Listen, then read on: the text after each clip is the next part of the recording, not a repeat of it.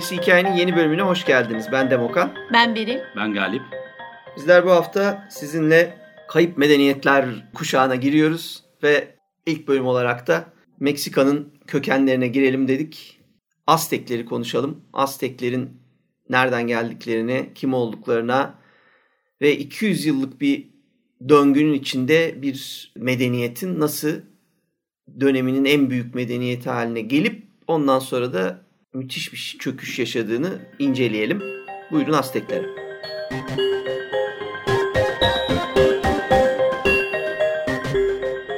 Aztekler Mezoamerika'da bugünkü Orta Meksika bölgesinde 14. ve 16. yüzyıllar arasında yaşamış bir Mezoamerika halkı.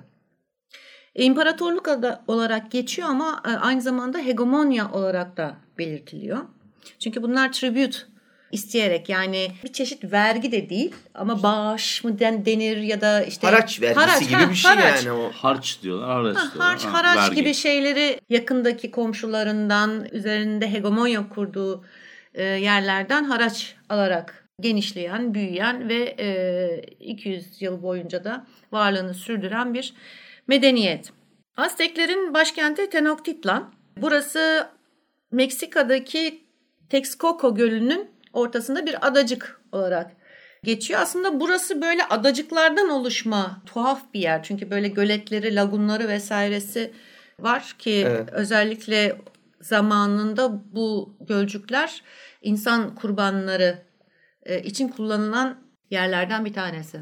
Şimdi tabii şu anda bayağı Meksiko City'nin oradan bahsediyoruz. Meksika'nın göbeği yani aslında Meksikalıların kökeni e, olarak aldıkları Aztekler. Ama Aztekler hep orada değilmiş. Aztekler bayağı göçebe bir ırkmış ve e, anladığım kadarıyla kuzeyden gelmişler. Kuzeyden nereden geldiklerini tam çözemedim ben.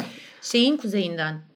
Meksika'nın. Meksika'nın kuzeyinden iniyorlar aşağı. Birkaç halktan bir tanesi olarak belirtiliyor. Evet yani o, o, o öyle bir şey anlatıyorlar da ben mesela hani böyle daha böyle Meksika böyle Güney Amerikalılara benzer ya tip olarak filan böyle kuzeyden geldiği için Aztekler o bana ilginç geldi o açıdan söylüyorum. Yani hani bayağı e, Teksas'tan indik gibi bir durum söz konusu görünüyor. o kadar büyük mesafeler olmasa da. Valla tüyleri olan merakı bende şüphe uyandırmadı değil biliyor musun? Öyle kızıl deriler falan evet. şeklinde. Ya yani aslında... benzerlikleri var onu da söylemek lazım şey olarak, gelenek olarak. Bir de benzemiyorlardı kendilerinden öncekilere. Çok büyük bir ayrım var. Olmekler var orada. Toltekler ve Olmekler. Daha evvelinde. Olmeklerle gerçekten hiçbir şekilde birbirlerini andırmıyorlar. Ee, bir sürü komplo teorisinde Olmekleri vesaireleri şeydi. Afrika kökenli birazcık daha böyle hani zenci bir ırk olarak bir medeniyet olarak tanımlıyor. Ee, bana sorarsanız hani Beril bir ara senin de uğraştığın bir tane şey vardı. Amerikalı yani e, Orta Amerikalı ya da Kuzey Amerikalı bir e, Kızılderili şeyi vardı. Aynı zamanda ev falan da yapan, ortadan kaybolan bir kabile vardı. Anansi. Anansiler Yok. gibi. Ha öyle bir şeylerden Anansi bağlantı miydi? olabilirler. Öyle bir şeydi galiba. Yani demek istediğim şu aslında yani tek bir tane millet yok nasıl ki Mısır'ı basan Hiksoslar ya da hani Hı-hı. deniz milletleri yani bugün e, Filistinler için kullanılan e, daha bir federasyon ayarında bir toplam bir şey de olabilir. Yani göçle gelen insanlar evet. yukarıda bir şey bitti. Tüy hikayesi de zaten tamamen coğrafya neyi gösteriyorsa ne çok renkliyse göz alıcıysa hemen onu yapmalı. Ya önemli olan bunlar oradan gelmişler. Gelir şeyi benzerlikleri bence şey açısından önemli. E, yerleşmiş bir çok eski bir medeniyetin e, önce izlerini buluyorlar yolda gelirken böyle o yaşayamıyorlar bir noktada. E, daha verimli topraklar, efsaneleri var ellerinde. Onu ulaşmak için yola çıkıyorlar ve Teotihuacan diye bir müthiş işte o piramidi olan bilmem ne şu an hepinizin gözüne gözünün önüne gelmesi gereken o önce tapınaklı fakat terk edilmiş şehri buluyorlar. Ama bunlar e, orada uzun süre var olmuyorlar. Yani bir süre orada takıldıktan sonra geçip kendi şehirlerini kurmaya ilerliyorlar. Ama mesela bizim aklımızda hep sanki o şehir esas kendi şehirleriymiş gibi zannedilir öyle kalmıştır. Oysa onlardan 500 yıl önce yok olmuş bir e, uygarlıktan alıyorlar neredeyse pek çok bilgilerini yapım anlamında, mimari anlamda. Ondan sonra da geçip işte o göletlerin orada şaşırtıcı bir şekilde hızla gelişiyorlar. Nasıl gelişiyorlar acaba bunlar? Şimdi ilk önce ben bir önemli bir not düşmek istiyorum buraya. Azteklere Aztek denmesinin sebebi kendi dillerinde aslandan gelen insanlar anlamına hı hı. geliyor. Bu da aslanda neresi? Ee, bunların mitik bir e, şehri var, ülkesi var. Ee, oradan gelen insanları belirtmek için ve aynı dili konuşan insanları belirtmek için kullandıkları bir kelime. Ne dili? Nahuatl lisanı bu lisan ve Nahua insanları tarafından konuşuluyor. Yani bizim Aztek dediklerimiz. E, bu şu şekilde de kullanılıyor. Bu Aztlanlı insanları e, belirtmek için Aztekatl olarak kullanılıyor. Bu singular formu yani tekil formu. Azteka olarak kullanılıyor. Bu da çoğul formu. Bir de kendilerine Mexika dedikleri de söyleniyor. Kendilerine Mexika demelerinin sonucu da aslında bugün mesela işte Meksikalılar da kendi ülkelerini mesela o Mexico diye okurlar ya. XH e, okurlar. XH okurlar. Onun kökeninin de oraya gel oradan geldiğini söyleyebiliriz. Onun sebebini de e, hemen bir not olarak düşelim. E, bunlar kendi mitik ülkelerinden e, çıktıklarında onlara kılavuzluk eden tanrılardan bir tanesi. Huitzilopochtli Neydi bu? söyleyeyim, söyleyeyim sana. Fitz e loch postle olarak okunuyor. Huitzilopochtli. Fitz e loch postle olarak okunuyormuş. Huitzilopochtli. Evet. Weasley diye bir şey yok. H ile başlıyor ya. Evet ama okunması Weasley, yani işte onlar W sesini çıkarıyorlar. Hmm. Weasley Loch Postli. Weasley Lopochtli. evet. Ihlaya tıslaya. Kendisi ana tanrıları. Evet, ana tanrılardan bir tanesi. Ee, bu halka göç etmelerini söylüyor ve göç boyunca onları onlara kılavuzluk ediyor. Yalnız bir noktadan sonra bir kısmını ayırıyor. Hı hı. Ve diyor ki siz kendinizi artık Aztek demeyeceksiniz. Bundan sonra kendinizi Meksika olarak çağıracaksınız. Mekika. Mekika. Ve gösterdiğim yere baş şehrinizi kuracaksınız diyor. Bu da Tenochtitlan. Tenot, Tenochtitlan. Evet. Şey bu bir yandan da kendisi savaş ve kurban tanrısı olarak da geçiyor ilk başta yani. Çünkü zaten bu adamlar baya bize de çok benziyorlar köken hikayeleri. İşte mitik bir şehirden çıkıyorlar, kalkıyorlar, geliyorlar. Göçebeler ve aç kalmışlar. Şehir kurmak için yerleşmiş şehir devleti kurma çabasındakilere saldırıyorlar e, ve savaşçı olarak geliyorlar. O yüzden de tabii bir savaş tanrısının onlara yön göstermesi de mantıklı. Evet. E, oldukça mantıklı denilebilir. Yalnız sonra bunların bedellerini fena ödüyorlar. O ayrı mesele.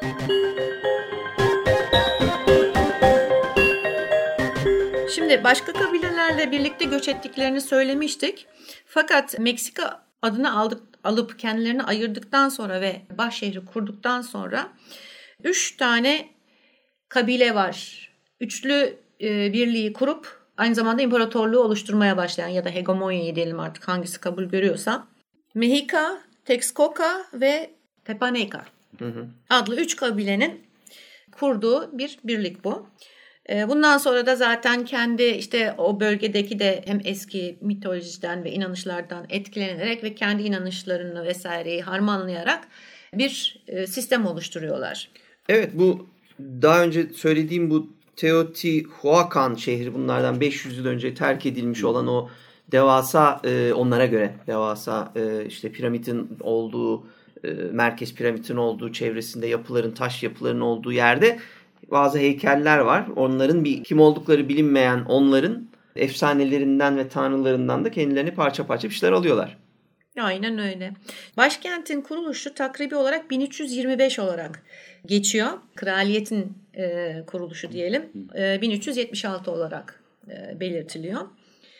E, 200 yıl sürüyor demiştik. E, 1521 gibi bir tarih veriliyor. Yani işte 1519'da Cortez geliyor. Hı hı. İşte birkaç yıl sürüyor onları tümüyle yok etmesi. Aynen öyle. Hernan Costa'nın zaten onların yok oluşunda çok büyük e, etkisi var. E, ilk önce bir geliyor Onunla ilgili bir efsane var. O da e, ilk geldiği zaman işte efsanelerde ge- geçen Quetzalcoatl'ın dünyaya inmiş hali veya dünyadaki sureti olarak karıştırdığı e, söyleniyor. Montezuma'nın yani Aztek kralı Montezuma'nın Cortez'i Quetzalcoatl'ın e, Reenkarnasyonu reenkarnasyonu veya işte dünyadaki sureti olduğu ve o şekilde karıştırdığı e, düşünülüyor. Şimdi burada bir hemen bilgi gireyim. Şimdi biz böyle şimdi çok büyük bir konudan bahsediyoruz. Bir kere şey yapın yani ta, birazcık takip etmeye çalışın. O kadar çok parçası geleceği geçmişi bu 200 yılın içine o kadar garip o kadar çok şey sığmış ki biz de biraz atlaya atlaya bir oradan bir oradan bahsediyoruz ama şimdi bu bitiş yok oluşlarının e, efsanesi şimdi Berlin bahsettiği efsaneden bir kısım anlatır. Böyle bir efsane vardır. İşte onların o bir tane güneş taşları var. Onun ortasında böyle beyaz bir figür var derler. E, bir surat. Onun da Quetzalcoatl olduğu Kotal söyleyemedim. oldu. Değil mi? Quetzalcoatl. İşte Doğru. Quetzalcoatl olarak da Quetzalcoatl. Atıl. Potatl. olarak da geçiyor. o onun e, tüylü sürüngenimiz bizim en ünlü tanrılarından biri bilgi ve öğrenme tanrısı. Aslında onun o beyaz tenli olması ve Cortez'i ifade ettiği üzerine bir şey var. Fakat pek çok sonraki araştırmacı bunun işgalin ardından İspanyolların gazıyla uydurma bir efsaneye dönüştürüldü. Sonradan yani oraya anlatıldığı kendilerine de yani İspanyolların o gelip Aztekleri yıkacak beyaz adam filan gibi e, kendi efsanelerini e, şehir efsanesi gibi oluşturduklarını da e, söylüyorlar pek çok araştırmacı. Evet evet kendilerini haklı çıkartmak namına aslında böyle şeyler, hikayeler yaymış olabilirler. Ama net olan bir tane şey var. Kendilerinden çok daha üstün bir uygarlıkla ve uygarlığın da savaş tarafıyla direkt karşılaştıkları için yani sonuçta oraya elçiler değil kaptanlar ve biz bugün kaşif diyoruz ama bildiğiniz e, silahlı askeri şeyler denizciler gidiyor ve e, bayağı bildiğiniz şey avcıları gibiler. E, servet değil de E tabi altın peşindeler Evet, zaten. Av, şey arıyorlar. Nedir adı? E, define avcısı gibiler. E, gittikleri yerlerden de bir şeyler alıyorlar. Oraya gittiklerinde de şeyle karşılaşmıyorlar. Yani bir, birazcık daha güçlü, kuvvetli bir şeyle e, bir uygarlıkla karşılaşsalar denge olabilecek ya da kendilerine zarar verecek. Bu kadar büyük kıyma anında yapmıyorlar. Ama şu da net tabii. İlk gittikleri zaman kendileri de bu kadar agresif ve vahşi değiller. Daha sonra zamana yayarak iyice oraya yerleşerek insanlarla ilk başta bir ticaret yaparak falan daha sonra gemi ağzıya alıp yok ediyorlar. İspanyollar evet, Evet. bir coşuyorlar yani. Portekizler öyle yapmazlarlar ama alt taraf için. Güney Amerika için. Şey de var yani bana şey gibi geldi. Zaten anlatılanlara göre Cortez ilk bir geliyor yanında çok az adamla. Hani sanki hani dediğin gibi sadece keşif için gelmiş işte medeniyeti tanımak istiyormuş gibi. Ve e, iyi karşılanıyor. Hatta yapıldığı söylenen bir hoş geldin konuşması var. Onun da çok gerçekçi olmadığını söylüyorlar. Fakat işte bu işte Tanrı'ya benzetilmesi falan filan vesaire birazcık oradan da e, çıkma yani hoş karşılanması Evet, vesairesi. Bir yandan da şey de deniyor oranın kraliyet ya da işte asilleri tarafından uydurulmuş bir hikaye olabileceğini söylüyorlar. Yani neden yenildik sorusuna cevap Evet. e, olarak. Fakat esas Cortez işte ilk karşılandıktan sonra geri dönüyor. Ondan sonra ateş gücüyle geliyor kuşatıyor. Tabii başkent düştüğü zaman ve Aztekler yenildiği zaman kolonileşme başlıyor ve e, insanlar geliyor Avrupa'dan ve bu Avrupalıların gelişiyle birlikte Azteklerin bağışıklığı olmadığı hastalıkları getiriyorlar. İlk önce çiçek salgınıyla başlıyor. Daha sonra başka hastalıklar da geliyor ve Aztekler kırılmaya başlıyor. Çok büyük nüfus kaybına uğruyorlar. E bir süre sonra da zaten elimine oluyorlar ya da asimile mi oluyorlar diyelim. Köleleşiyorlar tabii bir yerden sonra ortadan kalkıyor. Ben de hep şeyi merak etmişimdir ama. Orta Amerika'da hiçbir hastalık yok muydu acaba şeyleri bizim oraya giden İspanyol kaşiflerini kırıp geçirecek ki var onu da biliyoruz. O sıtması şunu bunu sarı unması falan meşhur onların. Daha sonra Amazon'da vesairede de hani o e, yumurta bırakan, larva bırakan sinekler şunlar bunlar var. Çok ölenler var. Ama hani çiçek kadar yıkıcı bir hastalık olmadığı için yani bir salgın hastalık gibi Evet bir şey evet olmadığı için havadan buluşan bulaşması falan çok. Bir sıkıntı oluyor. Bir de başka bir şey daha vardır. Bunu Kuzey Amerika için de söylerler.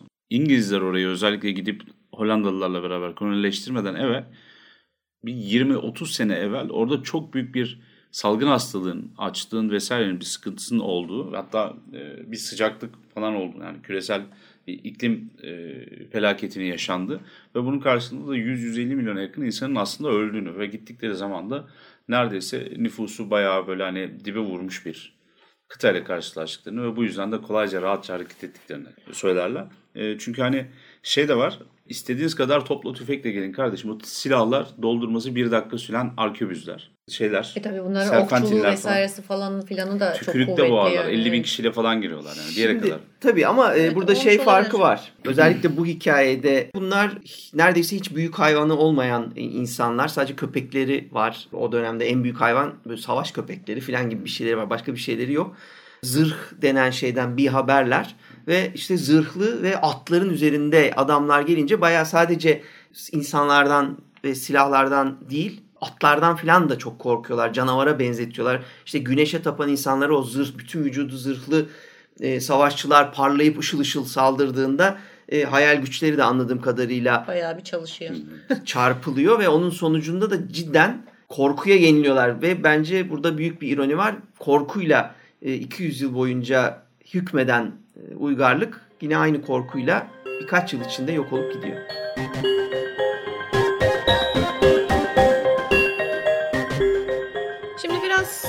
Azteklere hani şöyle bir baktık nasıl geldiler, nasıl oturdular, nasıl yok oldular. Ee, kısaca bahsettik. Sosyal yapılarından biraz bahsedelim. Birkaç tane sınıftan oluşuyorlar. Yani sınıflar var toplumlarında. En yüksek sınıf Pipiltin denilen bir sınıf. Bu da asil. Yani şeyin altında şöyle diyelim işte yönetici var. Yönetici aile. Yönetici ailenin altında e, Pipiltin var. Yani asiller. Meka Huatl var. Bunlar işçiler. Daha çok sanat ve zanaatle e, uğraşıyorlar. E, ilk önce nasıl anlatayım? Bunlar hani bir çalışan sınıftan çok biraz daha köleye yakın gibiler ama daha sonra şey alınıyorlar. Yani alt sınıf çalışan olarak belirtiliyorlar. Fakat bir süre sonra bunların önemi artıyor. Çünkü bunların yaptığı işler aslında toplumu e, götüren işler. Düşük sınıf işçiler aynı zamanda köle de yapılabiliyor ya da olabiliyor kendi istekleriyle. Geçinebilmek için, hayatlarını devam ettirebilmek için bir şekilde kendilerini daha üst sınıftan birilerine satabiliyorlar. Veya bir e, anlaşmayla onların emirlerine girebiliyorlar. Bunların altında da commoners yani e, genel halk var. Yani sonuç olarak 3 tane sınıftan oluşuyorlar. Tabii hani genel halk dediğimiz zaman bunun içine her türlü şey giriyor. Yani bunun içine savaşçılar da giriyor, işte e, rahipler de giriyor, işte ne bileyim ticaret yapanlar giriyor e, vesaire vesaire. Kadın ve erkek bunlarda eşit fakat hı hı. farklı rolleri var toplum içinde. Yani şöyle hak olarak eşit olmalarına rağmen görev olarak farklı görevleri var. Ee, işte erkekler dışarıda çalışıyor, kadınlar daha çok evde iş görüyorlar. Fakat kadınlar da çalışabiliyor. Yani bir doktor işte olabiliyor, bir e, ebe olabiliyor, işte bir öğretmen olabiliyor vesaire vesaire veya işte tarlalarda vesairelerde çalışıyor. Şimdi tarla demişken Aztek toplumu bir tarım toplumu. Yani yüzde yüz bir tarım toplumu. Evet. İnanç sistemi de zaten bu tarım toplumu olmalarından etkileniyor. Evet orada mesela ben çok ilginç bir şey gördüm ve bunun cevabını da bilmiyorum. Bunlar göçebe geliyorlar oraya. Yolda bir şeyler öğreniyorlar işte dediğim gibi o kendilerinden önce e, yok olmuş gitmiş şehri görüyorlar filan ama oradan bir efsaneler alıyorlar filan. Fakat sonra geldikleri yer böyle adalardan oluşan, göletlerden oluşan, göletlerin ortasında pek böyle çok kolay yaşanır bir yerler değil ama tanrılarımız tanrımız bizi buraya gönderdi filan diye efsanevi anlatıma göre yerleşiyorlar buraya. Ondan sonra da çok kısa sürede o dönemde dünyanın pek bir yerinde görünmeyen bir güçle, hızla teknolojik bir üstünlük sağlıyorlar. İşte tuzlu suyu çekip o çevredeki işte göletlerden sulamaları beceriyorlar. Tatlı suyu e, daha yoğun bir şekilde getiriyorlar ve adacıklar halinde tarlalar yapmaya başlıyorlar ve bu tarlalarda hiçbir şekilde mesela nadastı işte alazdı yakalımdı filan gibi şeylere normal toprak ihtiyaç duyarken mesela burası öyle çok sulak olduğu için e, böyle bir şeye ihtiyaç duymuyor. Böyle 7-24 işte 12 ay boyunca mesela bir şeyler yetiştirebildiğin bir de işte ekvatora yakın olduğu için hani her zaman ılımlı iklimin olduğu, bol sulak bir ortam olduğu için müthiş tarım yapıyorlar. Müthiş bir bolluk çok kısa sürede bunu oluşturuyorlar. İşte su yolları yapıyorlar, şehre su getiriyorlar falan. Öyle de bir yanları var ama bunun kökenini mesela ben e, bulamadım. Yani böyle bir teknolojik şeyi göçebeler nasıl bu kadar kısa sürede sağladılar kendilerine onu bilmiyorum. Bence o büyük ihtimalle yani geldikleri yerde e, ya da yerden aldıkları e, bir sistem olsa gerekti. Yani öyle bir anda oraya gidip de bir sistem oluşturmak yani sıfırdan bir sistem oluşturmak çok zor bir şey. Büyük ihtimalle geldikleri yerde de buna benzer sistemler vardı. Onun belki hani modifiye ederek uygulamış olabilirler diye düşünüyorum. Ben tam tersine eğer bunlar göçer olarak geldiyse ve bunun bir kaydı yoksa, anlatıda gelmiyorsa e, geldikleri yerde yani o, Meksika'dan bahsediyoruz şu an. Meksika'nın içerisinde. Vardıkları yerde. Evet vardıkları yerde. Meksikalılar şey İspanyollar galiba orayı tamamen kurutana kadar bayağı uğraşıyorlar. Adacıklar falan bir kısmı hala duruyor ama kupkuru bir e, sahraya çeviriyorlar açıkçası sonra. Vardıkları yerde karşılaştıkları bir teknoloji olabilir. Yani o devam ettire geldikleri bir şey olabilir. Ama bunu nasıl bilinçli yaptınız, yaptılar derseniz o konuda tam bir fikrim yok. Çünkü yani daha belki uygarlıkların getirmiş olduğu bir şeyler var. Tarımı bilmek, sulamak vesaire önemli şeyler bunlar e, nasıl bir güçle ve mühendislikle ona yüklendiler orası zaten birazcık tartışma konusu. Yani ben de tam çıkamadım orada. Evet evet ve şu anda da yani mesela kalan e, bölümleri var bu Meksika'nın civarında. Aynı şekilde o tarım alanlarının bir kısmı duruyor e, göletlerde falan ve aynı hiçbir şey değiştirmeden bunu tarımı sürdüren e, çiftçiler var. Tabii doğal tarım. Tamamen doğal tarım yani. Hiç hiçbir katkı yok, hiçbir gelişme yok. Direkt doğal tarım.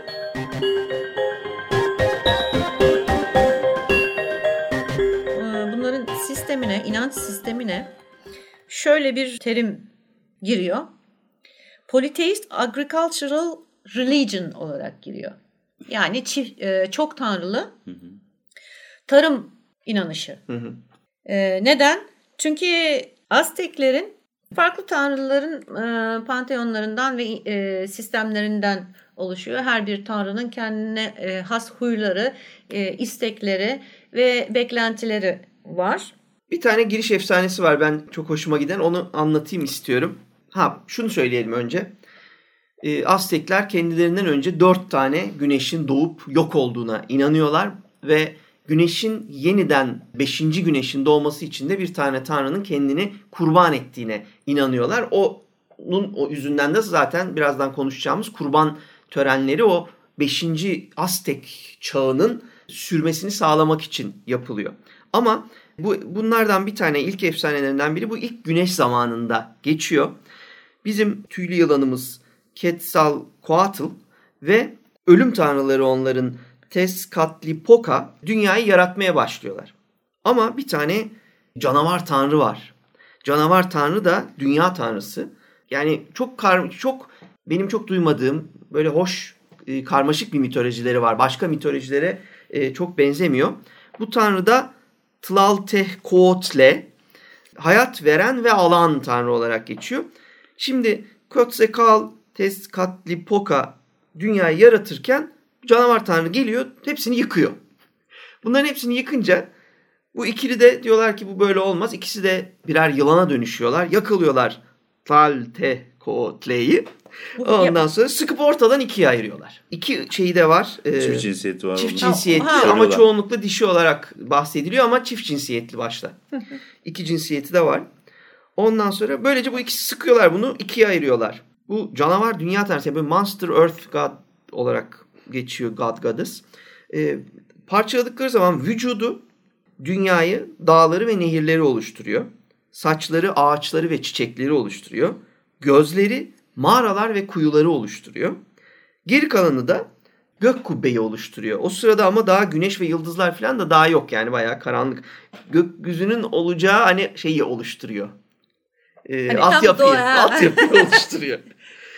Ve bu iki tanrı bunu böyle paralayıp dünyanın kendisi kökü e, yapınca insanların da tüm ihtiyaçlarını e, karşılama armağanını onlara veriyorlar ama bu, bu armağandan pek memnun olmuyor. E, kendi istemeden kurban edilmiş oluyor ve bundan mutsuz olduğu için de insanlara ihtiyaçlarını verecek ama bunun için de kan istiyor gibi de ve bu işte kan törenlerine, kurban törenlerine yol açacak süreci başlatıyor. Zaten yine bu aynı e, canavar tanrının geceleri işte güneşi yuttuğuna inanıyorlar ve kurban vererek güneşin doğmasını sağlamak gibi de bir görevleri olduğunu düşünüyorlar. Bu başlangıç efsanelerinde. Evet ve şeyde e, mitolojilerinde en kana susamış tanrı veya tanrıça olarak geçiyor kendisi.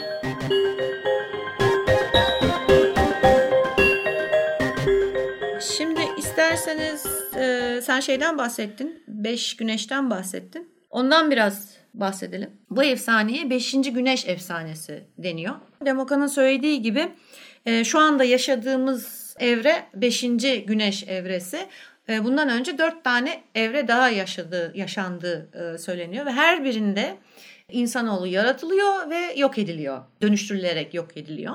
En başlangıçta yani bu güneş evreleri gelmeden önce en başlangıçta bir karanlık ve boşluk olduğu ifade ediliyor efsanelerde. İki tane yani iki tane demeyelim daha doğrusu şöyle söyleyelim. Bir yaratıcı varlık var. Bunun hem e, erkek yüzü hem de kadın yüzü var. Bunların adı Omete Kutli ve Omechihuatl. Bunlar kendilerini yaratıyorlar. Lar diyorum çünkü aslında tek bir varlık ama e, duality olduğu için her iki tarafı da var. Yani şey gibi düşünün. E, bir tarafı erkek bir tarafı e, kadın. Madalyonun iki yüzü. Madalyonun iki yüzü gibi. Bu tanrılar ne iyi ne kötüydü. Aynı zamanda hem erkek hem kadındı. Ve dört tane e, tanrıya hayat veriyorlar. Bunlardan ilki Huitli Huitli Lapoşli. Evet savaş ve kurban. İkincisi Quetzalcoatl. Üçüncüsü Tezcatlipoca. Dördüncüsü de Şipetotek. Ve bu dört tanrı dünyayı yaratmaya hı hı. ön ayak oluyor. Yaratılışa gelecek olursak burada biraz zaten insan kurbanının nasıl e, esinlendiği e, açıkça belli oluyor. Quetzalcoatl ve Huitzilopochtli ateşi ve yarım güneşi e, oluşturuyor. Bunu da nasıl yapıyorlar? Bunu gene tanrılardan bir tanesi olan e, ve daha çok kötü tanrı olarak e, nitelendirilen Tezcatlipoca'yı kurban ederek yapıyorlar. Ne yapıyorlar? Bunu e, kurban ettikten sonra ki şu arada belirtmek lazım yalnız bu tanrılar hani kurban ediliyor ama ondan sonra onların tekrardan doğma, tekrardan hayata dönme şeyleri var. Tabii olasılıkları var ve zaten inanç sistemi de e, ve kurban sistemi de bu e, inanışın üzerine kuruluyor. Evet. Yani Tezcatlipoca'yı kurban ediyorlar ve onun e, kanını kemiklerin üzerine e, akıtarak kadın ve erkeği oluşturuyorlar. Her biri 4 gün sürüyor. Yani toplam 8 günde bir kadın bir erkek sahibi oluyor dünya. Ee, bunun ardından da zaten diğer deity dediğimiz ufak tanrıları yaratıyorlar. İşte underworld yani e, yeraltı tanrısı, işte cennetteki e, tanrılar, işte su tanrısı, ne bileyim işte toprak tanrısı vesaire vesaire. Zaten bir tanrı listesi var ki yani 6-7 sayfa gider. Evet evet onun sağlam bir mitoloji var orada da. Aynen öyle. Şimdi bu e, oluşumdan sonra hemen ardından şeyin 5 döngü başlıyor. İlkinde el, elementimiz toprak. Söylemiştik Tezcatlipoca şey edilmişti, kurban edilmişti. Tabii bu Quetzalcoatl'la arasında büyük bir nefrete ve savaşa e, hı hı. neden oluyor. Ve Quetzalcoatl ile yaptıkları savaşta kaybediyor. Kaybedince de o sinirle Jaguarlar ki Jaguar bu tanrıyı temsil ediyor aynı zamanda. Jaguarları yollayarak oradaki devleri yok ediyor. Ne var ne yok dünya üzerinde sona erdiriyor yaşamı. Zaten ölüm tanrısı ve gecenin tanrısı değil mi bu? Aynen öyle.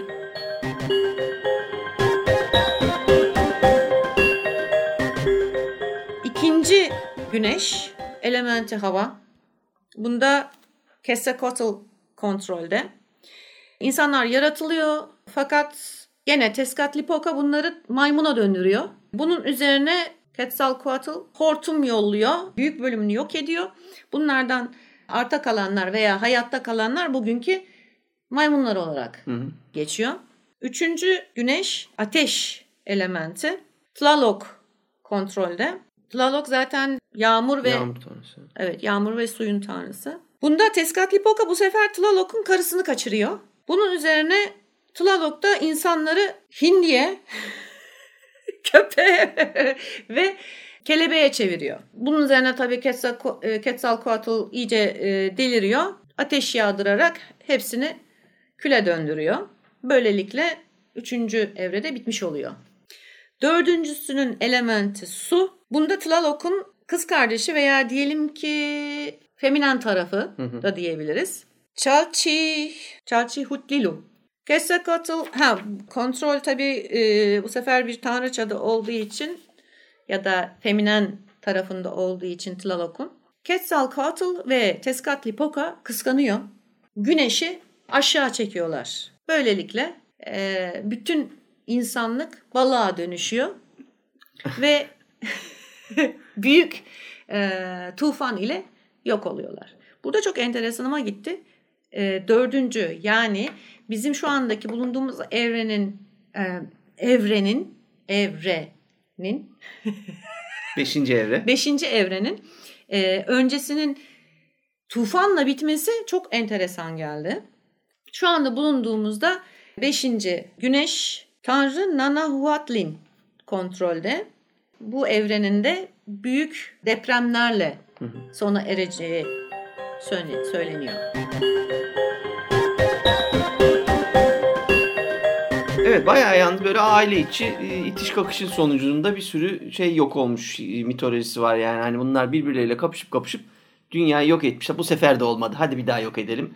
Ben bunu kıskandım bir daha yok edelim derken günümüze gelmişiz bu hikayede. Aynen öyle. Şimdi 200'den fazla tanrı var ve bu tanrıların istediği bir de şeyler var. Kurbanlar var. Şimdi çok acayip bir konuya girdik aslında bugün ve üzerine söylenecek inanılmaz fazla şey var ama peşinde olduğumda bir konu var, bir konsept, bir mefhum var ki o da bizim bir şekilde gözümüze hep başkalarının alıntıları nedeniyle belki de bazen düşmanlarının vesairelerin anlatıları nedeniyle çok vahşi, çok yamyam, çok böyle hani insanları öldüren cani bir topluluk gibi anlatılıyor. Geçiyor Aztekler. Bazen bu uygulamaları ve hani dinleri, kültürleri vesaireleriyle bu bahsedilen tanımın dışına çok çıkmadıklarını ve aslında da uyduklarını da görüyoruz ama yine de sadece 200 yıl içerisinde hani e, kopan kellelerin, canlı canlı derisi yüzülen insanların kalbini söktükleri yani canlı canlı insanların bir anda kalbini sökmelerinin işte hani kolunu bacağını kopartarak bir şeylere e, kurban etmelerini ve bunun bir büyülü bir şekilde işe yarayacağını falan inanmalarının olduğu bir e, ritüelistik bir din inancının ortasında düşmüş oluyoruz aslında Aztek deyince. Evet. Ve bu ritüeller çok ilginç bir şekilde bizi çarpıyor. Bunu çarpmasının sebebi de ne yazık ki bizlerin karşısına bu konuların, bu toplumun Rönesans'a tekabül eden bir zaman aralığında çıkmış olması. Daha evvelinde çünkü yani Batı ve Doğu, Orta Doğu işte hani herkes daha başka bir yöne gelmiş. Artık tek tanrılı dinler hani politeizmi vesaireyi yenmiş ve baskılamış. İnsan kurbanı vesairesi artık tartışılmayan bir konu. Herkesin reddettiği 2000 senedir üzerinde durmadığı bir konu. En son Yunanlılar bile e, milattan önce 500'de birilerini kurban etmişler. Arada birkaç tane Slav e, dürtüsel olarak Slav kralı bir şeyler yapıyorlar. İstanbul'un sınırına geliyor mesela bir Bulgar kralı. Surları geçemeyeceğini anladığında bayağı ritüel gibi bir genç kadın şey yapıyor. Kurban Kesiyor. ediyor surların önünde. Yani oraya mancınık getirmek yerine genç kadın getiriyorlar mesela kesmelik gibi şeyler, uygulamalar var. Fakat bunların hepsi geçmişte kalıyor. Bir tek şey e, çok güzel bir nokta bu. Şunu araya sokayım istiyorum. Bunların Azteklerin bu kurban şeyi işte 1300'lerde başlıyor. Evet. Ve ondan sonra dışarıdan müdahale olmadığı için bu o dönemde yani bu 1200'ler, 1300'ler, 1400'ler bu değişmeden sürüyor tabii ki. Yani o ayrı bir tartışma konusudur ama Engizisyon diye bir şey var. Yani bu Avrupalıların dediğin gibi Rönesans yaşadıktan sonra onları eleştirdiği bu dönemde e, aslında sürecin başladığı döneme bakarsak kurban sürecine Avrupa'da da insanları yakıyorlar. İşte din yüzünden e, adı kurban olmasa da insanlar yok edilmekte. Aynen öyle. Şimdi 1521 yılında e, Aztekler ortadan kaldırılıyor Cortez'in Cortez'in eliyle diyeyim artık o bir sürü ayak oyunlarıyla beraber. Daha sonra Cortez ve e, Alvarado galiba daha sonra da gidip Mayaları zaten yok ediyorlar. Belli ki bu iyilerin e, amacı çok daha başka yani. O anlatılan şeyler de var. Çok kirli bir tarih alıntısı bu. Bu rivayetlere pek inanmak istemiyor insan. Çünkü hani hoş değiller. Bunu yapan insanların hepsinde gözü dönmüşler ve insanları da insan kurban etmekle suçluyorlar.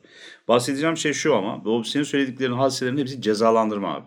1571 ya da 72 senesinde Lefkoşa Piyale Paşa tarafından ele geçirildikten sonra Lala Mustafa Paşa'nın 2. Selim'in seferiyle beraber Kıbrıs'ın alınmasıyla alakalı bir anekdot bahsedeceğim mesela. Lefkoşa ele geçirildikten sonra yaklaşık olarak 50 bin kişinin köle edildiği ve daha sonra bir sürü e, kişilerin de orada infaz edildiği, öldürüldüğü vesaire haberleri Famagusta'ya yani Mausa olarak bildiğimiz şeye geliyor ama Mausa küçük de bir yer, bir takimat. Venedik e, Osmanlı Savaşı içerisinde sayılan yani bir 10-13 yıllık falan bir dönemi kapsayan bu şeyde İnebahtı'nın falan da içinde olduğu bir dönem. Mausa'nın alınmasıyla alakalı, oranın tahkim edilmesiyle alakalı bir komutan görevlendiriliyor. Mesela Venediklilerin e, meşhur bir tane komutanı var. Marco Antonio Bragadin adamın adı. Ben bunu niye not aldım? Çünkü benim daha belki okumalarımda direkt karşıma gelen bir şeydi. İyi bir örnek. Bunu da söylemek istiyorum.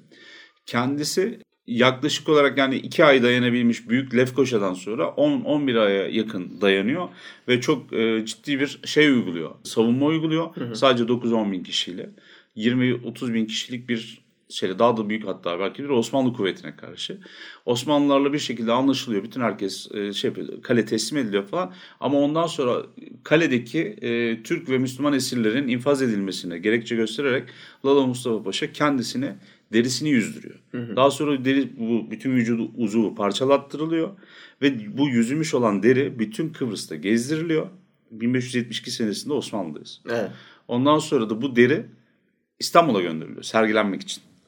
Şimdi bütün hadise şu aslında. Kimse daha az vahşi değil. Yani bunun gibi Osmanlı tarihinden ya da e, Avrupa'dan özellikle Almanya'dan evet. inanılmaz örnekler gösterebilirim. Ya da e, İngiltere'den. İngiltere'de, İngiltere'de 1600-1700'e kadar uzuvların kırılması, parçalanması, kellelerin şeye sok, hadım edilmeler, şunlar kelleler sergileniyor. Yok Engizisyon bunların yanında ha, yani. e, böyle kum havuzunda oynayan çocuk Çocuklar kalır. gibi kalır. Çok masum kalır. Şimdi bir defa bunun adı bir ceza uygulaması. Yani capital punishment diye tabir ettikleri bir şey. Bu göstere göstere insanların önünde cezalandırma. Sindirme için terörize ederek kullanan herkesin yapmış olduğu bir şey. Şimdi 1950'lere 60'lara kadar insanların giyotinle idam edildiklerini falan bilmiyorsanız eğer vahşeti başka şekilde tanımlıyorsunuz. Baktığınızda ama sıkıntı şu. Bu cezalandırma kardeşim. Evet. O ritüelistik ve bir amaç gerçekleşsin diye bir şey kurban etmek başka bir durum. Modern dünya, modern diyelim ya da e, gelişmiş dünya, ileriye gitmiş dünya Azteklerle ilk karşılaştıkları zaman büyük bocalamayı burada yaşıyorlar. Daha doğrusu bu bir bocalama değil. Kendileri de vahşi bir adamların normal insanlar değil. 3 ay falan gemiyle gittikten sonra inen adam yeni bir dünyada çeşit çeşit e, bitkinin vesairenin içerisinde sağdan sola koşturan en yaşlısının bile suratında bir tüy olmadığı ilginç insanlarla karşılaşıyor. Onları insandan da saymıyor. İnsan bile saymıyor. Yani e, maymun vesaire mukayesesi çok sonranın olayıdır ama onlar insan değil diyor. Mesela yani ya en azından insana iç, benzemiyorlar. Ha, yani en azından şey iç dünyalarında öyle bir evet. hissiyatla öldürmek kolaylaşıyor ya yani vicdan anlamında. Tabii, tabii. Zombileştiriyor bir yerde işte evet. aynı hikaye. Neyse geleceğim nokta şu ama bu hani kendi propagandası namına diyor ki bu adamlar insan öldürüyorlar. Şimdi öldürdükleri insanlara baktığınız zaman ilginç ilginç şeylerle karşılaşıyorsunuz. Biraz önce Beril'in söylediklerinden bir iki tane nokta var. Ben onları bir şey yapayım. Şimdi iki tür kurban şekli var bana sorarsanız. Belki daha da fazladır ama benim ilk gördüğüm şey şu. Birincisi mesela Tanrı'nın adını söyleyeyim. Tlaloc için e, dağlarda çocuk kurban ediyorlar yağmur tanrısına. Ve bu kurban ettikleri çocukların gözyaşlarını hı hı. hem acı çekerken hem ondan sonra o e, senotelere galiba şeylere attıkları var ya yeraltı havuzlarına attıkları işte hani dövüp ya da aşağı fırlattıkları çocukların o gözyaşlarını yağmur olarak geri döneceğine inanıyorlar. Birincisi. İkincisi tanrıları taklit ediyorlar. Ve en korkunç olanı da tanrı taklitçilerinin mesela kurban edilmeleri. E, çünkü hani bizde de var olan kurban edilmenin gereği olarak bir kutsallık var işin içerisinde. İnsanlar kurban bayramı için birkaç gün evvelden aldıkları kuzuları vesaireleri koyunları çocukluğunuzdan hatırlayın. Bir şefkatle bir saygıyla bir içten içe bir sıcaklıkla bakıp gözlerlerdi. Ona göre severlerdi bilmem. Niye? Çünkü hani o yüksek bir amaca hizmet etmek için gidiyor. Şimdi gene büyük ihtimalle Tezcalo, e, Tezcatl Ipoka'nın taklitçisini ya da ona benzeyen bir kişinin üzerine kurban edilmesiyle alakalı bir tane hadise var. Az, Aztek takviminin 5 ya da 6. ayına denk gelen bir zamanda kutlanan bir festivalde bu tanrıyı taklit eden kişi yani o tanrının yerine koyulan kişi. Ölüm ve şey soğuk tanrısı, gece tanrısı, gecenin evet. hükümdarı. Özellikle hani bir yıl boyunca yani bir tanrıymış gibi ya da bir soyluymuş gibi muamele görüyor. Ondan sonra e, kurban ediliyor ama yani o kurban edilmelerde tabii yani Beril'in biraz önce anlatmış olduğu işte bir kanı şey yapılıyor, kemikleri üzerinde gezdiriliyor falan gibisinden. O da bir başka efsaneye aslında tekabül ediyor. Bu yapılan şey aslında Tanrı'nın başına gelen şeyi tekrar etmek gibi hı hı. bir hadise de var. Daha ilginç olan başka örnekler de var. Mesela Çipakli'nin Tlalteatliti falan gibi söyleyeyim artık. Aramızda Aztek olmadığı için kimse şey yapmayacaktır. Oğlum şey söyle hangi tanrı olduğunu söyle. D- diyorum işte hani e, dünya, yeryüzü Canavar, tanrısı, tanrıçası. Ha. Şimdi o ilginç bir yaratık zaten. Hani bereket, doğurganlık, aynı zamanda işte yaşamın kaynağı falan derken ha diyorsun tabii. Yaşamın kaynağı bu adam. Evet. Ham maddesi yani aslında bakarsanız. O yüzden bizim iki kardeş Quetzalcoatl'la işte Tezcatlipoca bu ikisi bir olup şey yapıyorlar. Onu parçalıyorlar evet. ve aslında bu ne demek oluyor? Onu parçalara ayırarak ondan bir şey üretiyorsunuz ve bu yaratık bakın yaratık diyorum tanrı ya da tanrıça bilinçli değil. Bunu bilerek de yapmıyor ve kesinlikle insanlarla herhangi bir iletişim yok. Bunu nasıl söyleyeyim e, size? Açlıktan öleceksiniz ya da hani yeni bir şeyler kuruluyor. Etrafta da kocaman böyle dev bir dinozor büyüklüğünde bir inek var. Ve o inek de parçalanıyor ve siz ondan faydalanarak yeni bir şeyler üretiyorsunuz. Bu hikayede de Quetzalcoatl tutuyor mesela bacağını o kutsal e, kurbağaya benzeyen yaratı. Bir bacağı tutup atıyor bilmem ne dağları oluşuyor. Bilmem ne denizi oluşuyor işte kanından şuydu buydu. Azteklerin nedense dev bir korkusu var ama yalnız değiller. Alt tarafta Mayalar ki onlar çok daha büyük ve eski bir uygarlık. Büyük ihtimalle Azteklerin bir sürü uygulaması da Mayalardan kaçanlardan ya da hani Maya 2.0'dan falan devşirilme bir şey. Onların da büyük bir korkusu var. Bir şey, yaşanmış olan bir şeyler ki Mayalarda bu iç savaşlar vesaireler yüzünden bozulan düzen olarak görünüyor. Bir, hı hı. Bence histerik bir toplum ruh hali yaratıyor. Yani o bozuk psikolojinin içerisinde de tanrılar mutlu edilmeli. Tanrılar mutlu edilmeseler bile tanrıların başlarına gelen hikayelerin, bu mitolojilerin özellikle karanlık tarafları tekrar edilmeli. Canlandırma. Canlandırmalı gibi bir şey var. Biz tabii gerisi hikayeyi konuş gerisi hikayede bu konuyu konuştuğumuz için tabii ki böyle hani kanlı, korkuya daha yakın sahnelerinden falan alıntılar yapıyoruz. Ama işin özünde de yani Çipakli'nin kolu bacağı koparıldı diye ya da kan yani gövdesinden etler parçaları akıtıldı diye kanla beslenildi diye yani denizler oluşturuldu diye o ritüelin birebir canlandırılması ve Çipakli'nin aslında ihtiyacı olmayan bir insan eti, insan kanı e, ortaya konması gibi bir durum var. Aslına bakarsanız o tanrının kan istemesi, et istemesi gibi bir durum yok. Sadece Quetzalcoatl'ın ve kardeşinin yapmış oldukları şey bir tekrar edilmesi var. Bu Hı. da ne oluyor mesela? Böylece bu gereken bereket sağlanıyor. Eğer biz bunu yapmazsak gözden düşeriz ve başımıza iş alırız. İşte e, bunu yaparak kendimizi ve geleceğimizi işte hani çoluğumuzun çocuğumuzu, devletin bekasını falan koruyoruz gibi bir ruh hali aslında evet. işin içinde geliyor.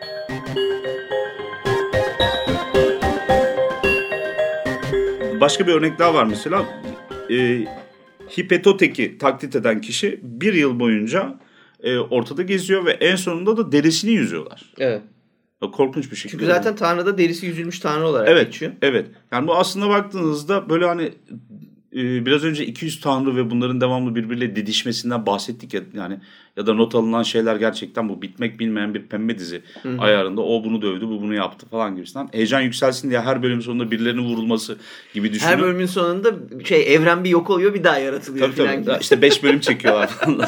bu şey gibi Lego, Lego, Legoları koyuyor birileri birileri geliyor üzerine basıyor Legoların ondan sonra haydi tekrardan. Aynen aynen bir daha bir dünya yaratım. Mesela buradaki davası da öyle. O da onun da mesela e, canlandırma olarak derisini yüzmesi gerekiyor dediğin gibi. Ama bu çok işin artık suyu çıkmış vaziyette.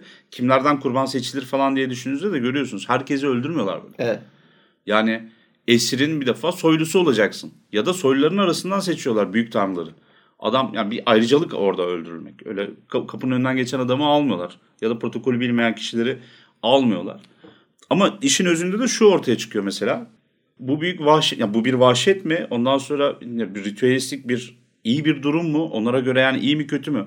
Bir vahşet olarak görmüyorlar. Çünkü hani biz kurban bayramında kesilen hayvanları son 10 seneye kadar Tabii, tabii, kimse hiç görmezken. görmüyorduk. Yani e, bir canlı olarak da ele almıyorduk. O ruhani bir tarafı vardı. Zaten biz kesmesek zaten o kesilecekti. Bilmem neydi falan gibi argümanlarla biz geçiştiriyorduk. Bu adamlar da öyle bakıyorlar.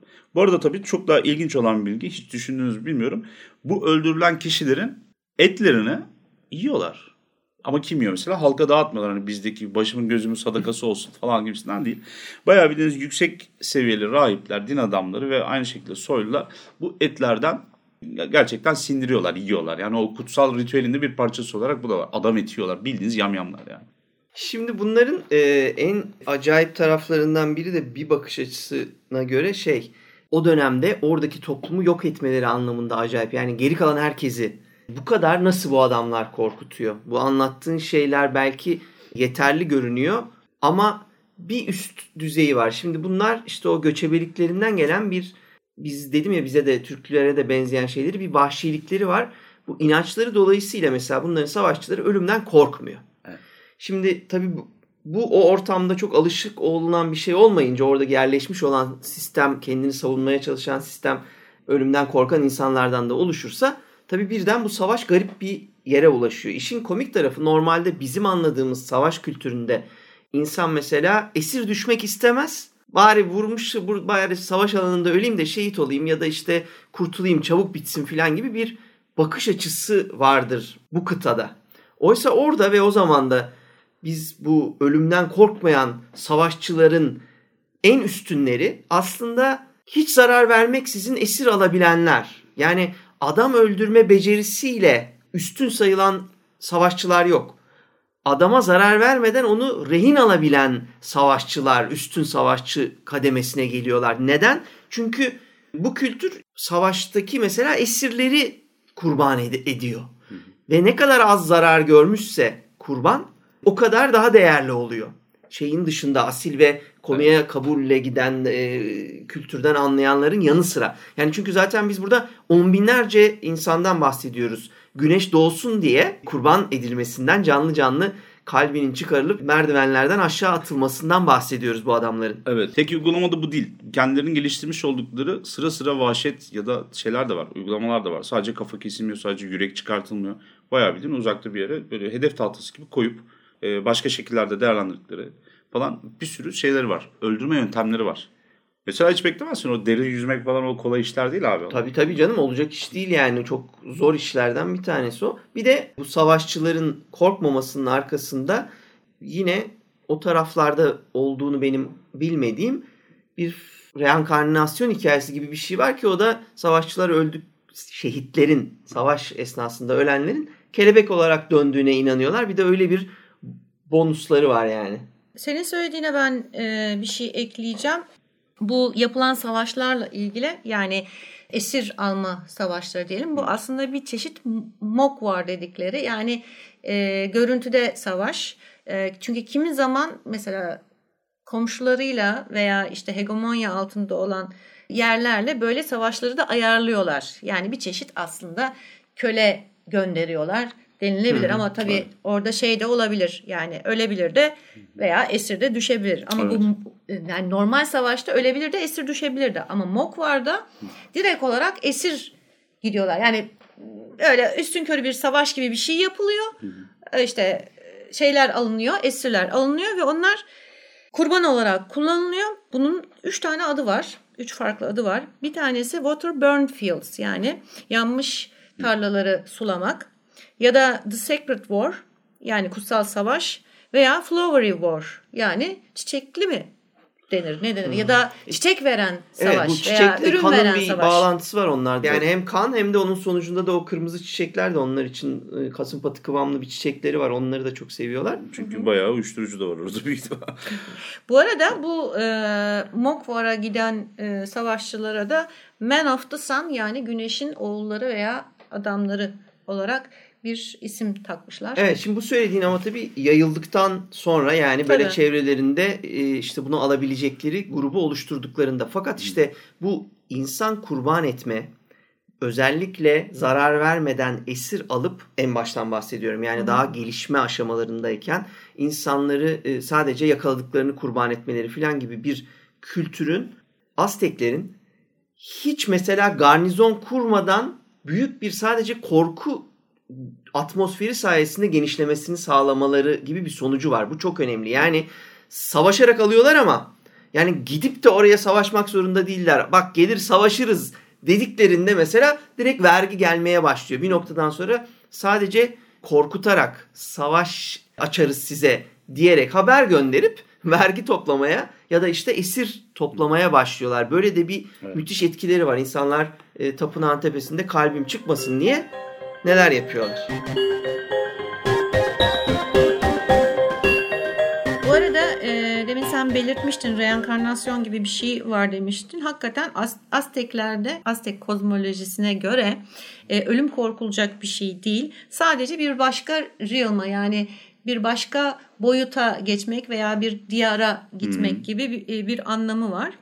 E, yalnız şöyle de bir şey var. Doğal olarak ölenler ruhları 9 zorlu level'ı geçtikten sonra ki bu 4 yıl kadar falan sürüyor. Hmm. Şeye giriyor gidiyorlar. Yeraltı e, dünyasına gidiyorlar ve dünyada nasıl yaşadılarsa orada da e, yaşantılarını öyle devam ettiriyorlar. Fakat bir şey diyeceksen ekleyeceksin. Yok, yani aynı şekilde devam ediyormuş. Aslında dünya üzerindeki bir din, dinler ya da hani devletçilik oynayan doktrinlerin yapmış olduğu gibi öyle yatağında ölürsen kötü olursun. İşte e, her şey şeyin için olursun. hani vatan millet Sakarya diye ölürsen şu olur. O vatan millet Sakarya'nın nereye kadar gittiğine de biz karar veririz. Ben benim söylediğim şekilde ölmelisin gibisinden bir dayatma var aslında. Bu da korku imparatorluğunun devamıdır. Fakat kurban edilenler veya savaşta ölenler yani şehitler bunlar e, sonsuzluğu Omeyakan veya Tlolakan adlı iki e, tür cennette geçiriyorlar. Yani bir çeşit cennetle ödüllendirme gibi bir sistemleri de var. Huri sayısı ne kadar?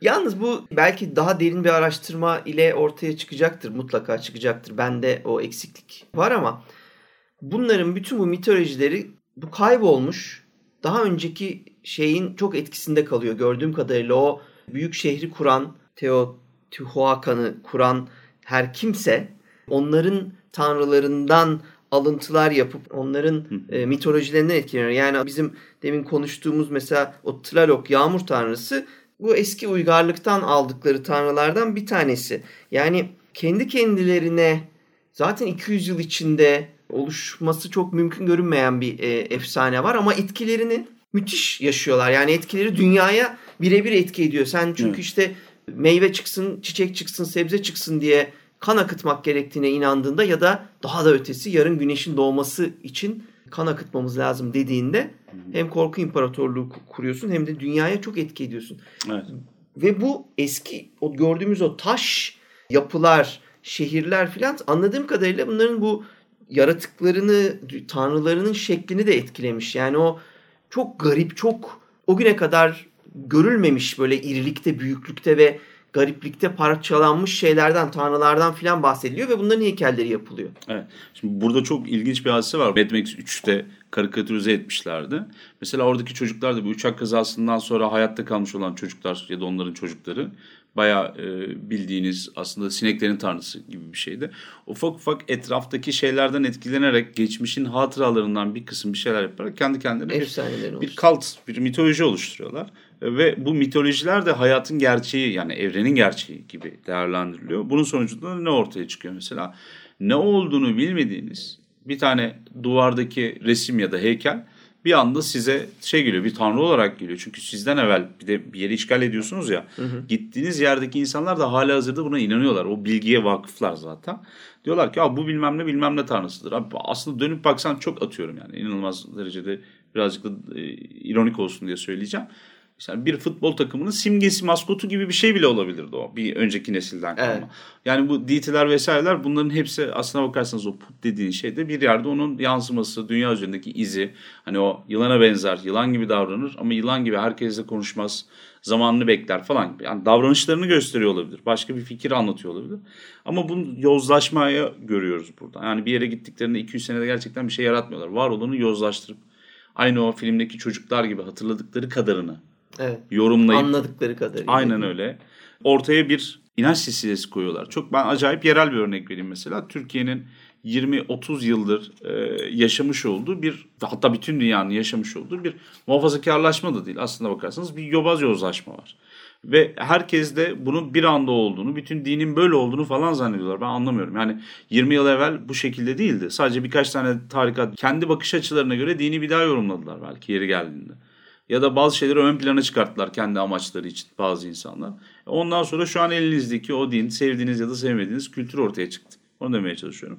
Aztekleri de hiçbir zaman farklı düşünmem. Yani bir yere gittiklerinde orada var olan kültürü kendi amaçları doğrultusunda yeniden yorumlayıp hı hı. ortaya koymalarını çok net görüyorum. Yani savaşçı millet derken yani göçle gelmişler. Tarıma geçemeden büyük ihtimalle İspanyollar onların üstünden geçti. Böyle de bir komik de bir yapısı var. Yani komik derken aslında ironik de bir yapısı var. Evet çok garip şey yani işte ben oradaki hızı garipsiyorum açıkçası demin dediğin. Yani müthiş bir hızla göçebelikten böyle mimari ve işte tarım toplumuna bütün bunların hepsini ve sonra zat diye de yok olmaya ulaşıyorlar. Yani 200 yıl içinde e, bir uygarlığın çok az şey yaşayabileceği Avrupa'da mesela çok herhangi bir uygarlıkla karşılaştırdığımızda çok ufak özellikle o tarihlerde gelişmelerin yaşandığı bir dönemde sen birden çılgınca bir başka şey yaşıyorsun. Devrim devrim devrim devrim üstüne devrim üstüne devrim gibi bir görüntü oluşturuyor ve hemen de yok oluyorlar. Yani tekerleği keşfetmek zorunda olmayan bir toplumdan bahsediyoruz. Öyle bir yere yerleşiyorlar ki. Evet. Mesela tekerleğe gerek yok. İşte teknelerle geziyoruz nasıl olsa. Evet. Ve tarım yapabiliyor. Tekerlek yok ama tarım var. Falan. Ama yuvarlak Bunlar çok şekiller önemli. falan var. Var ama tekerlek yok. Evet kullanmayalarına bir gerek yok. Güneş Gerek yok çünkü. Bir evet. de giyim kuşamları da ona göre şekilleniyor. Mesela kalın elbiseler giysiler yapmıyorlar ya da hani mekanik mucizelere ihtiyaçları yok. Bu antik Yunan'da ya da Kartaca'da falan kullanılan tipte. Tabii bir de şey yok. Koyun yok ki yün olsun. Mesela işte evet. oradaki bitkilerden e, kıyafetlerini yapabiliyorlar. O bitkilerin Hı-hı. lifleriyle dokumayı ya anca becerebiliyorlar. Falan gibi. Ama şimdi tabii şöyle bir durum var. E, ne yazık ki e, o aradaki kayıp zaman 2500 yıla falan tekabül ediyor Avrupalıyla mukayese ettiğinde. Evet. Ve o da çok büyük bir oyuk haline geliyor. E, İspanyollar da hiç affetmiyorlar. Hiç acımıyorlar ve gerçekten de siz daha metalürjiyi bilmiyorsunuz değil mi? Hani o bronzlar, metal şeyler, demir çağları falan yok değil mi kardeşim? İyi peki diyor. O zaman şu tarafa geçin. Direkt olarak ama altınları bırakıp öyle geçin falan diyorlar. Çünkü hani İspanyolların yapmış oldukları bir sürü şey komik komik davalar. Bunları davet ediyorlar mesela bir tane Panayır'a festivale. Festivalin içerisinde bakıyorlar. Bütün altın takılarınızı getirin şu odaya doldurun. Diyor. Çünkü hani imparatoru esir aldım ben. Tanrınızı esir aldım odayı dolduracak kadar altın getireceksiniz bana diyor adam. Yani böyle komik komik şeyler var. Orada, Ama orada şey de var tabii yanlış imparatoru alıyor o da ayrı mesele. Aslında o, o sıra o, o imparator imparator değil çoktan tahttan çık şey yapmış. Ama İnmiş başkası gelmiş. Ondan sonra diyor ki bize saldırdılar diyor. İspanyolları ya da Avrupalıları öldürdüler. O yüzden de biz gittik böyle yaptık. Öbür taraftan anlatıyorlar. Öyle bir şey olmadı. Bu herifler geldi düğünü bastılar falan resmen yani. Bu kötü kötü şeyler, durumlar var. Evet özellikle bu şeyi merak ederseniz bu Cortez'in yaptığı işleri şeyde artık sanırım baskısı yok ama e, Tüfek, Prop ve Çelik kitabının başında Jared abi çok güzel anlatır oradaki o olan olayı yani bir saldırıda işte birkaç yüz kişinin milyon insanı öldürmesini filan ve amaçlarını ve nasıl davrandıklarını, niye savaştıklarını, niye savaşamadıklarını yani bu savaşçı bir toplumun nasıl olup da bu kadar kolay bir şekilde yok edildiğine dair bilgi için o kitabı tavsiye ederim.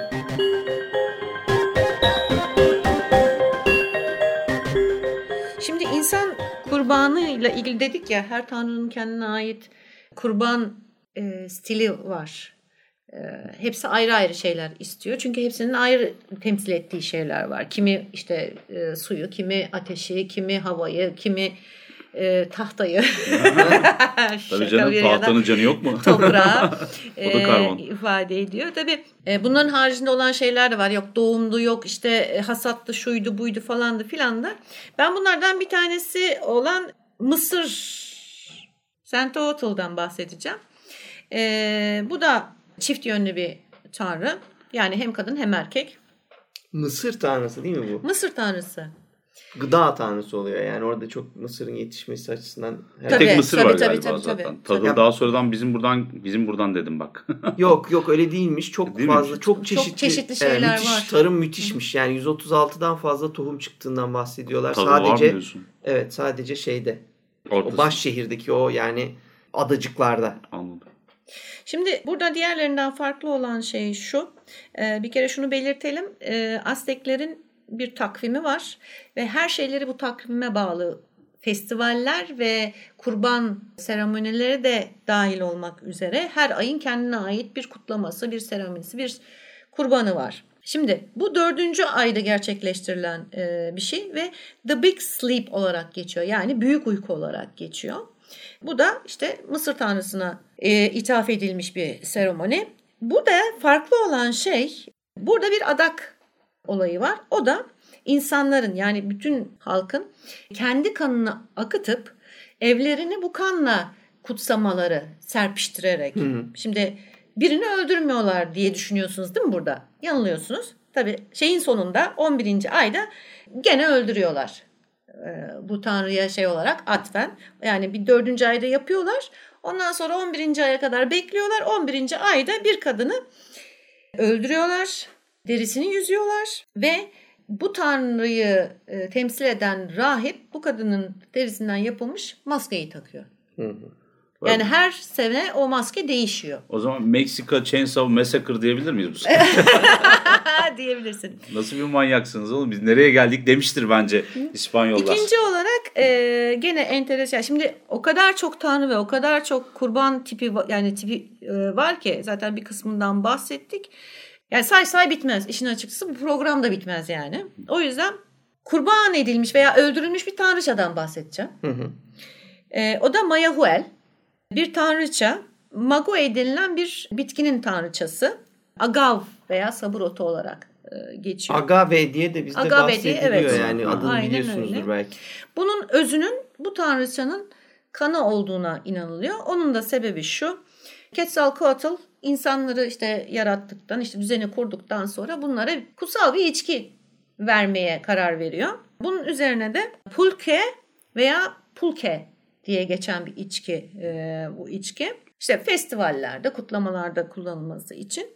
Bunun için Tanrıçayı yani Mayahuel'i dünyaya gönderiyor ve orada beraber oluyor hı hı. bu tanrıçayla. Fakat Tanrıçanın ailesi buna çok sinirleniyor. Yani Tanrı ailesi. Başka bir panteona ait bir şeyden bahsediyoruz tabii bu arada. Bunun üzerine Quetzalcoatl ve Mayahuel saklanıyorlar. Kendilerini ağaca çeviriyorlar. Fakat ne yazık ki ortaya çıkıyorlar, bulunuyorlar ve bunun üzerine Mayahuel ailesi tarafından öldürülüyor. Böyle olunca Quetzalcoatl da bunun işte e, ondan arta kalanları, Tanrıçadan arta kalanları alıyor ve onları bir mezara gömüyor. Ve bu mezarın üzerinde bir bitki çıkıyor. çıkıyor. Buna da Maguay deniliyor ve bu Maguay da e, dediğimiz bu agav veya sabır otu ya da agave dediğimiz şey ve bunun özünden içki yapılıyor. Evet zaten ondan sonra da distilasyonun sonunda da yanılmıyorsam o tekile olacak zaten evet, bir süre sonra. evet. Sabır derken o kedi buraya gelecek de biten evet, gece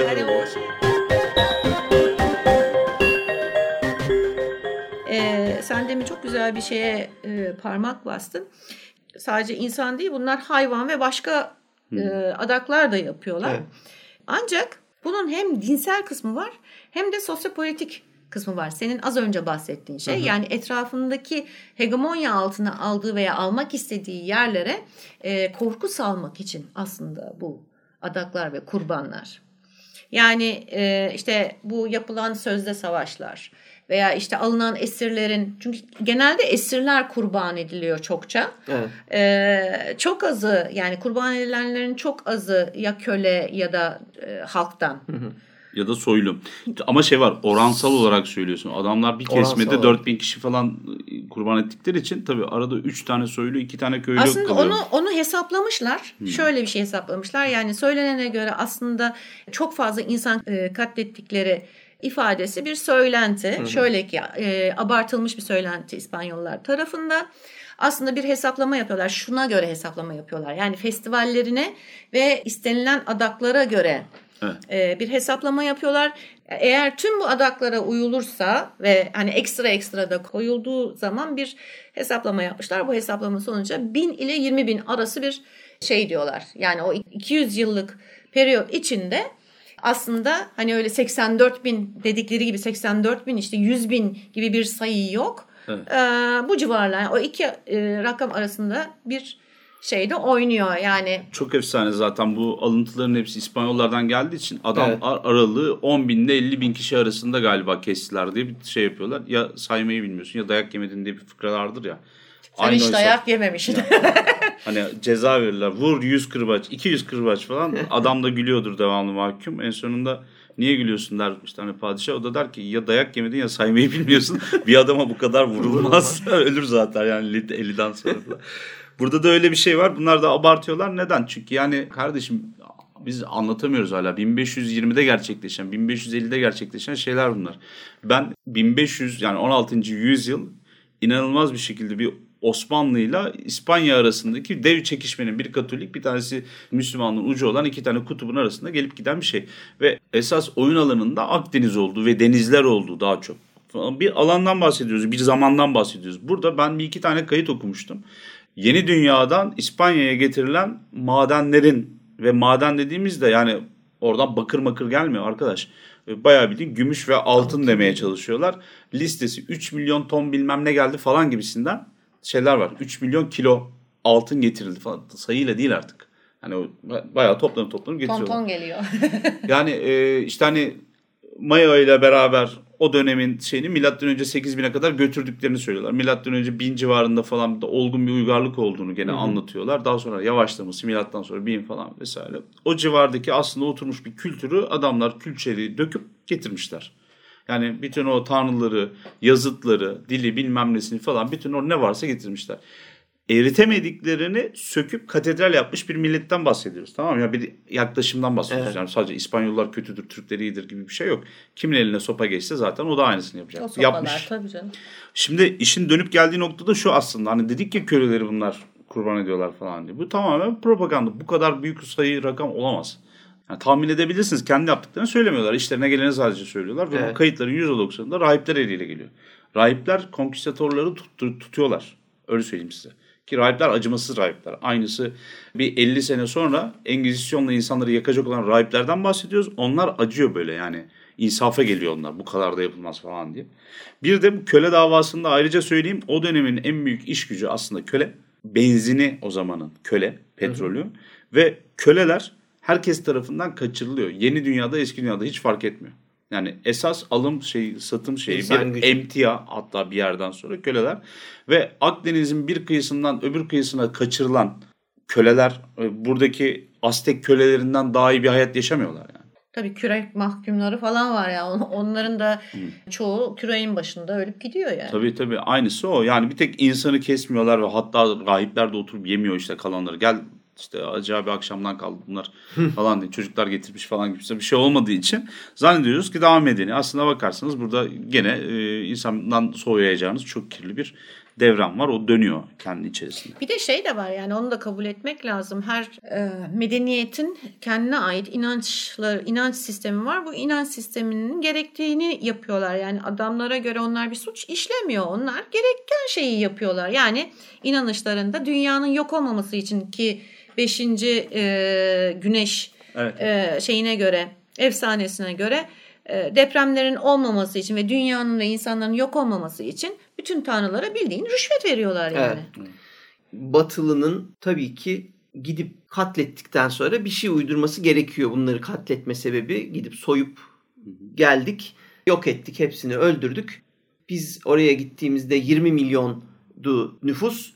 Biz bundan 100 yıl sonra 1 milyon olmuştu nüfusu. Bir açıklamaları lazım. Bir de dağlarda yaşıyorlar zavallılar. Yani, Her ha. şeye el, zaman. Ha yani o o yüzden yıktık işte dediğin gibi kuruttuk bilmem ne yaptık yani hani altın şehri bulacağız diye Evet. yedikleri haltların mutlaka bir karşılığını bulacaklar. Ama bir şey daha var ki o hep bizim e, konuştuğumuz bu xenofobinin de etkisi var burada. Yabancı düşmanlığının e, çünkü siz bambaşka bir kıtaya geliyorsunuz. Hiç görmediğiniz tipte insanlar var. Hiç görmediğiniz şekilde mesela yapılar var. Siz 1500'te oraya geldiğinizde mesela böyle 10 katlı bir yapı görüyorsunuz. Şimdi öyle bir şey bilmiyorsunuz ki Tabii. siz yani en fazla 3 katlı bir katedral yapmayı becermişsiniz o gün.